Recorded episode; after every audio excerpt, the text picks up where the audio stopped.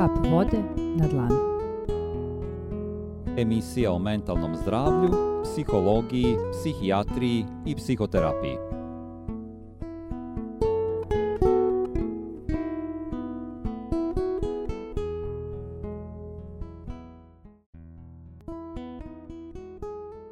Dobro veče. Slušate emisiju Kap vode na dlanu. Sa nama je večeras psiholog Tamara Bradić koja će nam govoriti o grupnom psihološkom savjetodavnom radu sa roditeljima. Tamara, dobroveče i dobro nam došla. Za početak da te pitam kako zapravo izgleda psihološko savjetovanje roditelja. E, Dobroveče svima, ja sam Bradić Tamara, psiholog i psihoterapeut i večeras ću vam govoriti o psihološkom savjetovanju roditelja. E, pre svega mislim na grupno, a onda i na individualno savjetovanje. E, za početak da naglasim da postoji razlika između ova dva vrsta savjetovanja, jer grupa kao grupa nosi jednu specifičnu dinamiku koja nekako omogućava roditeljima da se na specifičan način povežu i budu podrška jedni drugima ljudima trebaju drugi ljudi da postanu, da se socijalizuju, postignu zadovoljstvo i ništa čak ni smrt, ni progonstvo, nikakva sila ne nadmašuje potrebu za ljudskim kontaktom, e, kaže Irvin Jal. U svakoj instituciji, bilo da se radi o školi ili nekoj drugoj vrsti uh, rada sa decom, to mogu biti i vrtići, državni ili privatni, dolaze deca iz uh, specifičnog porodičnog okruženja i u tom smislu je veoma važno obratiti pažnju na roditelje i na način kako deca funkcionišu u samom porodičnom okruženju, kako bismo mogli preventivno da delujemo pre nego što dođe do nekih iskakanja u ponašanju bilo koje vrste. U prošloj emisiji sam govorila o vršnjačkom nasilju i šta vršnjačko nasilje podrazumeva i kako se vršnjačko nasilje zapravo e, kasnije odražava na rast i razvoj e, učenika, a pre svega sam e, spomenula da preventiva vršnjačkom nasilju može upravo biti rad sa porodicom, rad u porodičnom sistemu. U slučaju vršnjačkog nasilja, koliko je važan rad sa roditeljima dece koje su žrtve ili one koji uzrokuju nasilje između vršnjaka? E, kada e, govorimo o vršnjačkom nasilju, rad sa roditeljima, rad sa porodicom jeste izuzetno važan zato što roditelji imaju e, nekako bitnu ulogu i to na najmanje tri polja.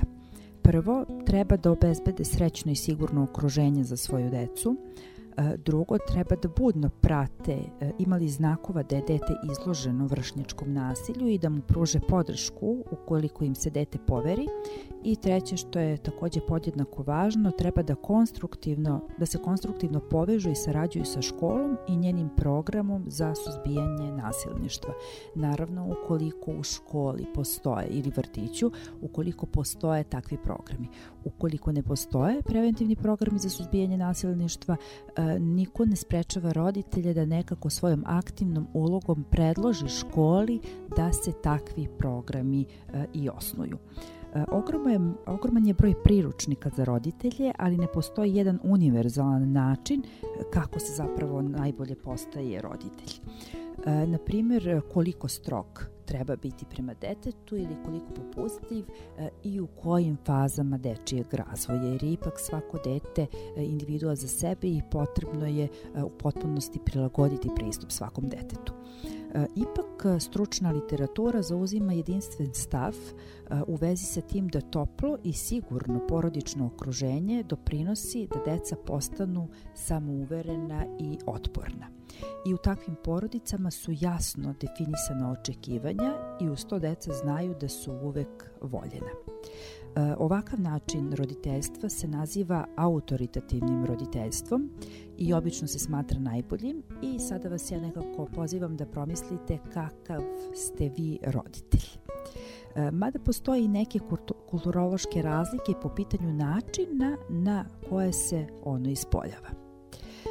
E, roditelji treba da obrate pažnju na signale koji ukazuju da je dete maltretirano kada govorimo o vršnjačkom nasilju. E, dete je obično utučeno, bez očiglednog razloga, gubi volju i entuzijazam za školu i učenje, ne viđa se sa drugom decom, ne posećuje često drugu decu niti ih dovodi kući, lošije spava, neočekivano dobija loše ocene u školi, pokazuje znake nedostataka samopouzdanja, depresije ili se samopovređuje. E, i obazriv razgovor može pomoći detetu da se otvori, da se poveri i u tom slučaju roditelji mogu da mu pruže značajnu podršku. E, kažem obazriv razgovor zato što svaka vrsta insistiranja u ovom kontekstu može da bude kontraproduktivna jer se radi o jednoj veoma osetljivoj populaciji kao što su deca i omladina za koje zaista treba prilagoditi pristup, kojima u stvari zaista treba prilagoditi pristup komunikacije.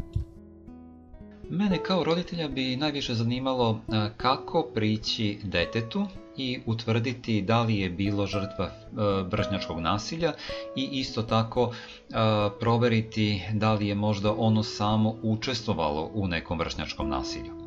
E, kako najbolje prići detetu i na neki način proveriti da li su e, žrtve vršnjačkog nasilja ili da li su oni nasilnici, kao roditelj zapravo možemo im napomenuti kako su zapravo mnoga deca bile, bila meta vršnjačkog nasilja, uključujući recimo i neke poznate osobe. E, roditelji mogu predložiti deci neke praktične korake kako da se izbore sa maltretiranjem, e, korisne strategije, na primjer da ostanu uz svoje prijatelje, jer su prijatelji u situacijama vršnjačkog nasilja veoma, veoma važan izvor podrške, iako je moguće da se nametnu Znači, veoma je e, bolje da se dete nametne nekako i da proba da se zauzme za sebe i za svoju poziciju među vršnjacima nego da se povlači.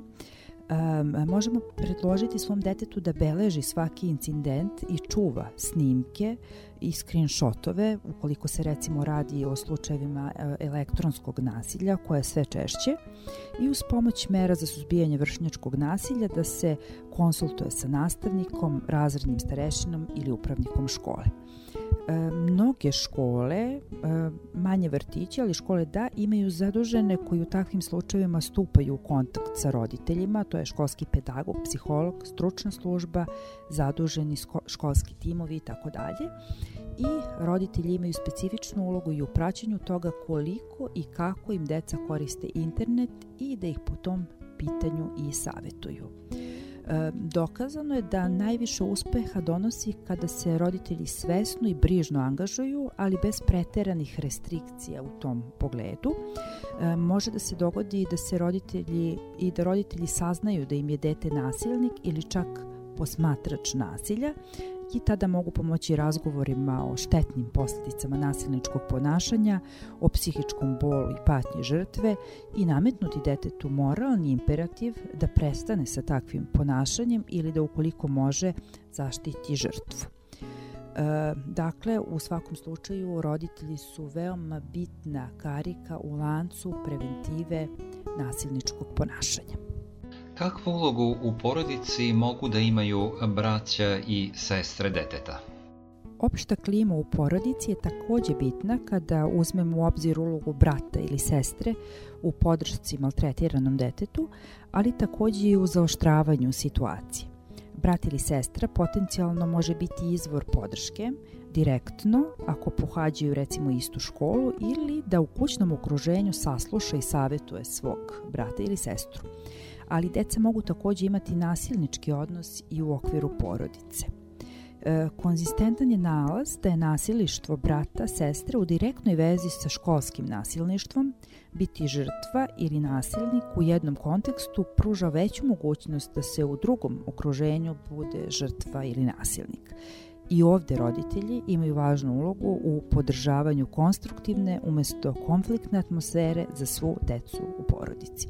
I onda na osnovu svega navedenog vidimo koliko je zapravo e, važno raditi savetodavno sa roditeljima, bilo grupno, bilo individualno. Šta podrazumeva savetodavni grupni rad sa roditeljima? Šta podrazumeva savjetodavni grupni rad sa roditeljima? Naime, psihološko savjetovanje je više od davanja saveta i ono predstavlja olakšavanje roditeljima da dođu do sobstvenog, okruž... do sobstvenog rešenja i to u jednom toplom, grupnom okruženju. Psihološki proces u kome savjetnik, psiholog sistematski pomaže roditelju da istraži i razume sebe i svoje ponašanje, kao i da stvori alternative kako bi lakše prevaz, prevazilazio e, sve životne poteškoće i izazove. E, kao sam pomažući odnos, psihološko savjetovanje predstavlja jedan empatički odnos koji je potreban nekako i dovoljan i ovakav empatički odnos podrazumeva aktivno slušanje klijenata. E, sada je u grupnom radu sa roditeljima zanimljivo da e, cela grupa sluša svakog od nas, da tako kažemo, i onda iz više uglova možemo da sagledamo e, koje je rešenje najbolje za datu situaciju. E, I to je jedan odnos koji kreira savjetnik e, svojim kvalitetima, e, svojim veštinama reflektovanja osjećanja i sadržaja kao, jednim, kao i jednim altruističkim stavom empatije i poštovanja. Kada govorimo o savjetovanju kao skupu aktivnosti, sam odnos je potreban, ali ne i dovoljan. Znači potrebno je još nešto sem odnosa u grupi kako bi to zaista dobilo jednu posebnu grupnu dinamiku i jedan specifični kvalitet koji je na korist svima. Pored odnosa, psiholog klijent, psiholog E, član grupe, koristi se skup aktivnosti i metoda poreklom iz različitih teorijskih okvira i takav proces je usmeren objektivo, objektivno, odnosno takav proces je potkrepljen i modelovan.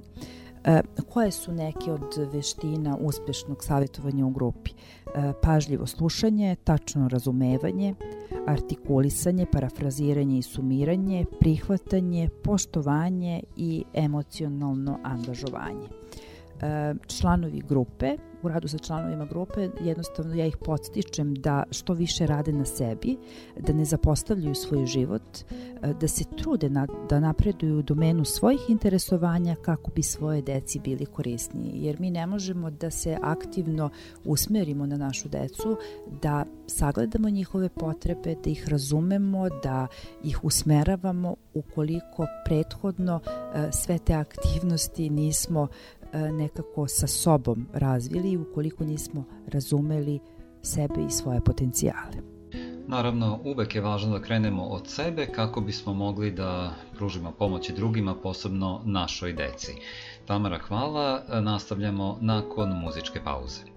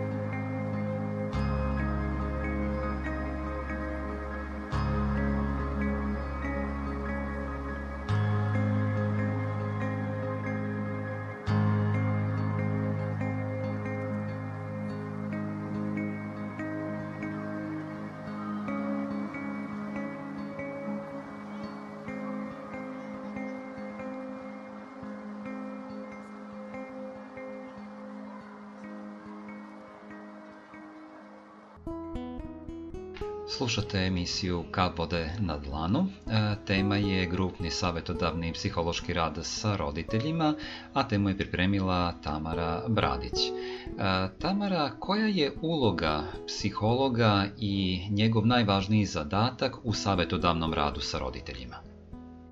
Najvažniji zadatak psihologa u savjetodavnom radu sa roditeljima jeste pre svega bezuslovna pozitivna pažnja, poštovanje i prihvatanje, kao i tačno empatičko razumevanje.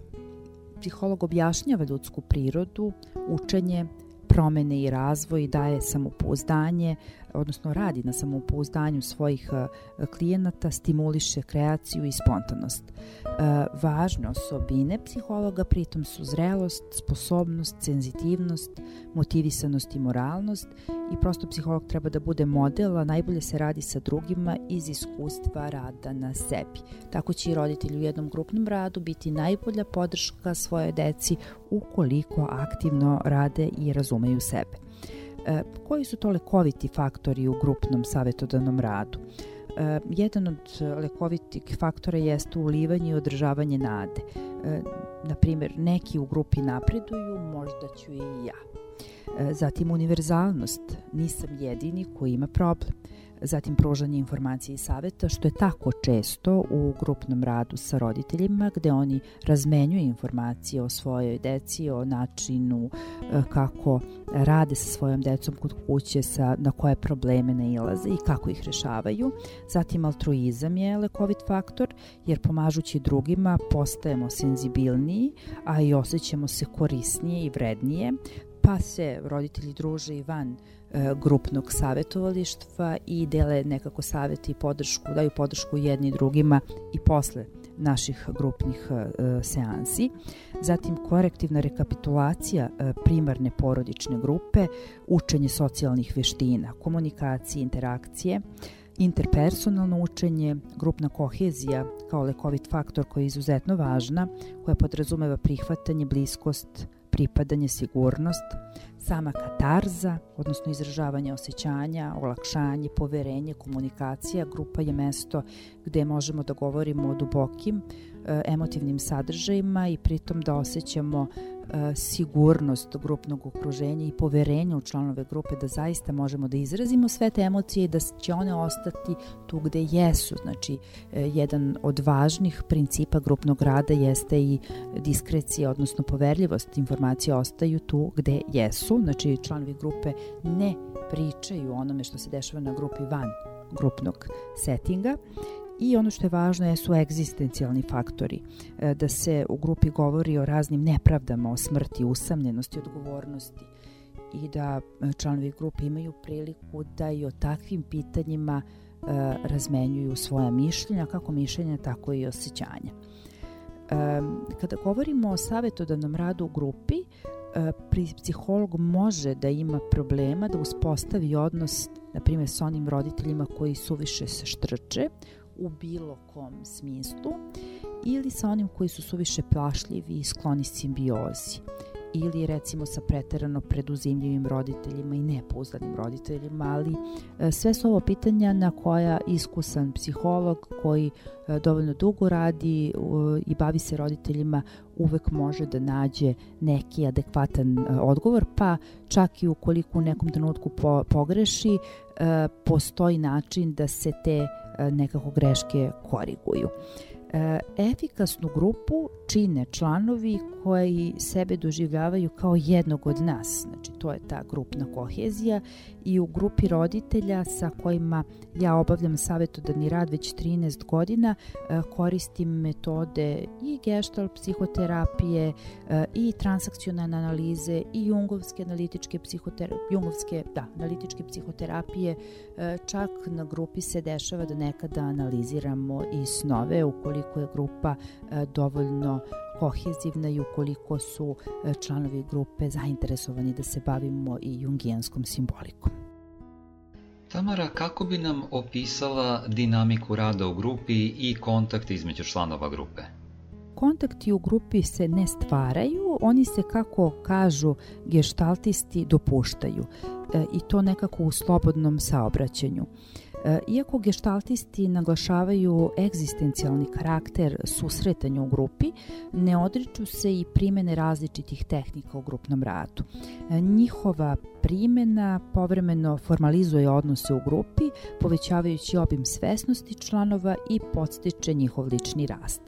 E, I metode transakcione analize koje koristimo u radu sa roditeljima su takve da relacije među članovima grupe dovode brže u stanje intenzivnog proživljavanja. E, I ovde se psiholog pojavljuje kao katalizator koji frustrira člana grupe, nastojići da aktualizuje njegove potencijale, posebno one koji se tiču stila komuniciranja iz njegovih različitih životnih dobi. Dete odrastao roditelj sa za njega važnim ličnostima iz života. E, takođe u savjetodavnom radu sa roditeljima trudim se da dosta vremena, kao što sam već i rekla, posvetim njihovom ličnom rastu i razvoju i nekako da kroz vedru i pozitivnu atmosferu učinim da period koji roditelji provedu na savjetovanju bude ohrabrujući za svakog od njih. E, razmena informacija između roditelja u toku savjetovanja takođe ima pozitivni uticaj na podnošenje svih životnih problema sa kojima se roditelji susreću. E, samo saznanje da nisu sami i da još neko deli slične probleme je značajan sistem podrške. E, jasni modeli problema pružaju osnovu za svaki sledeći korak u procesu pružanja pomoći, a to je formulisanje ciljeva. E, da bi bili dejstveni, ciljevi moraju biti prihvatljivi za roditelje, izraženi u vidu postignuća, jasni i specifični, uočljivi, realni, adekvatni i nekako vremenski ograničeni. E, Savetodavni rad sa roditeljima je kako individualan, znači može biti individualan, ali e, kao što sam već rekla i rad u grupi koji se odvija u okviru psihološkog savetovališta za roditelje. Da li postoji određeni model koji koristiš u svom radu?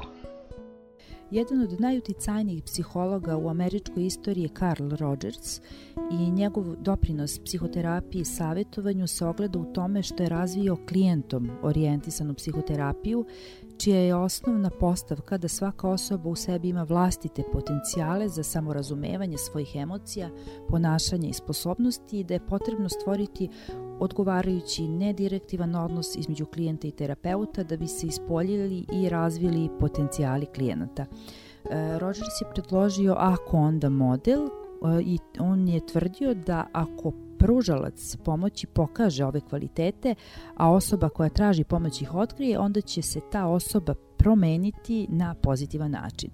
E, poštovanje spada u najvažniji stav i usko se odnosi na ono što je Rogers nazvao bezuslovnim pozitivnim mišljenjem ili toplinom. E, drugi stav je smernost i to je snaga jer iziskuje otvorenost i realnost u odnosu na sebe i prihvatanje kako pozitivnih svojstava, tako i slabosti. E, isto tako znači priznavanje razlika između nas i drugih osoba bez osjećanja inferiornosti bilo koje strane. E, treći osnovni stav je otvorenost koja se koristi kao ekvivalent Rogersovoj e, karakteristici saobraznosti. To znači da bi pomagač, psiholog, trebalo da bude otvoren za sve doživljaje, doživljaje da ih shvata tačno i smisalno, a ne izvrće putem odbrambenih mehanizama i da bude lišen predrasuda i problema. E, empatija predstavlja glavno svojstvo savetodavca, odnosi se na opšti pokušaj savetodavca da shvati svet sa gledišta roditelja. Važan je i ne manje bitan i tihi entuzijazam, jer svako ko dobro radi neki posao osjeća oduševljenje za ono što radi. E, sastavni deo procesa pružanja pomoći obuhvata olakšavanje promene načina na koji roditelji ili njihova deca tumače događaje u njihovom svetu. E, detaljnu pažnju treba posvetiti saopštavanju loših vesti, jer se to često čini loše i samo nekako uvećava nesreću i nezadovoljstvo roditelja. Važno je da se roditelji ne preopterete informacijama, već pre da se reaguju u skladu sa njihovim reakcijama, željama, potrebama i njihovim pitanjima. U savjetodavnom radu kako je moguće pomoći roditeljima da se adekvatno suočavaju sa teškoćama sa kojima se susreću u vaspitavanju svoje dece? Da bi se pomoglo roditeljima da se prilagode teškoćama sa kojima se susreću, prikladno je početi sa tim da se oni saslušaju. I ovo predstavlja u stvari samo po sebi veliku pomoć jer pruža roditeljima priliku u kojoj će biti u stanju da izraze sve svoje brige kao i priliku da ih pažljivo slušamo dok govore. E, svaki problem nameće specifične E, specifična pitanja detetu i porodici i svako stanje nameće specifične stresove i posebne zahteve izdržljivosti kako deteta tako i porodice. I za sve njih je zajednička potreba za fizičkom, psihičkom i socijalnom adaptacijom. E, istraživačke studije ukazuju na visoke stope psihološkog i socijalno, socijalnog poremećaja kod recimo hronično bolele dece, kod njihovih roditelja, braća i sestara. E, dolazi do povećanja bračnih problema, a može doći i do poremećaja funkcionisanja porodice kao zajednice. E, zadaci i ciljevi pružanja pomoći odnose se na pospešivanje blagostanja svih članova porodice. Od posebnog su značaja ciljevi kojima se podstiče samopoštovanje i efikasnost roditelja, razumevanje i savlađivanje situacije kao i strategija rešavanja problema. E, pažnja se takođe posvećuje veštinama efikasne komunikacije, posebno sa detetom, drugim članovima porodice i nastavnicima u školi ili vaspitačima u predškolskim ustanovama. E, proces pružanja pomoći porodici i uopšte detetu zavisi od kvaliteta odnosa koji se uspostavlja između roditelja i stručnog saradnika u školi ili predškolskoj ustanovi. Idealan odnos bi se zasnivao na principima modela partnerstva. Partnerstvo nekako iziskuje blisku saradnju, zajedničke zadatke, poštovanje, dogovaranje, komunikaciju, poštenje i fleksibilnost postoji niz stupnjeva, zadataka prilikom pružanja, pružanja pomoći, a e, neki od tih stupnjeva su uspostavljanje radnog partnerstva, ispitivanje situacije kako bi se formulisali jasni modeli, utvrđivanje ciljeva na osnovu ovih modela, planiranje akcija, primena i evaluacija datih akcija. Tamara, hvala ti na još jednoj odličnoj temi koju si pripremila. E, ovom prilikom pozivam roditelje koji su se našli u ovome e, da se jave Tamari i da se uključe u savetodavni rad za koji sam siguran da će im mnogo pomoći.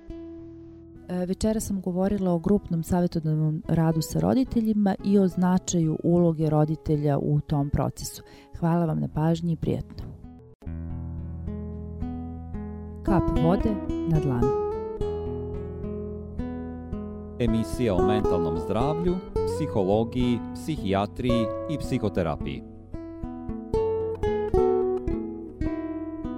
Temu pripremila Tamara Bradić, psihoterapeut.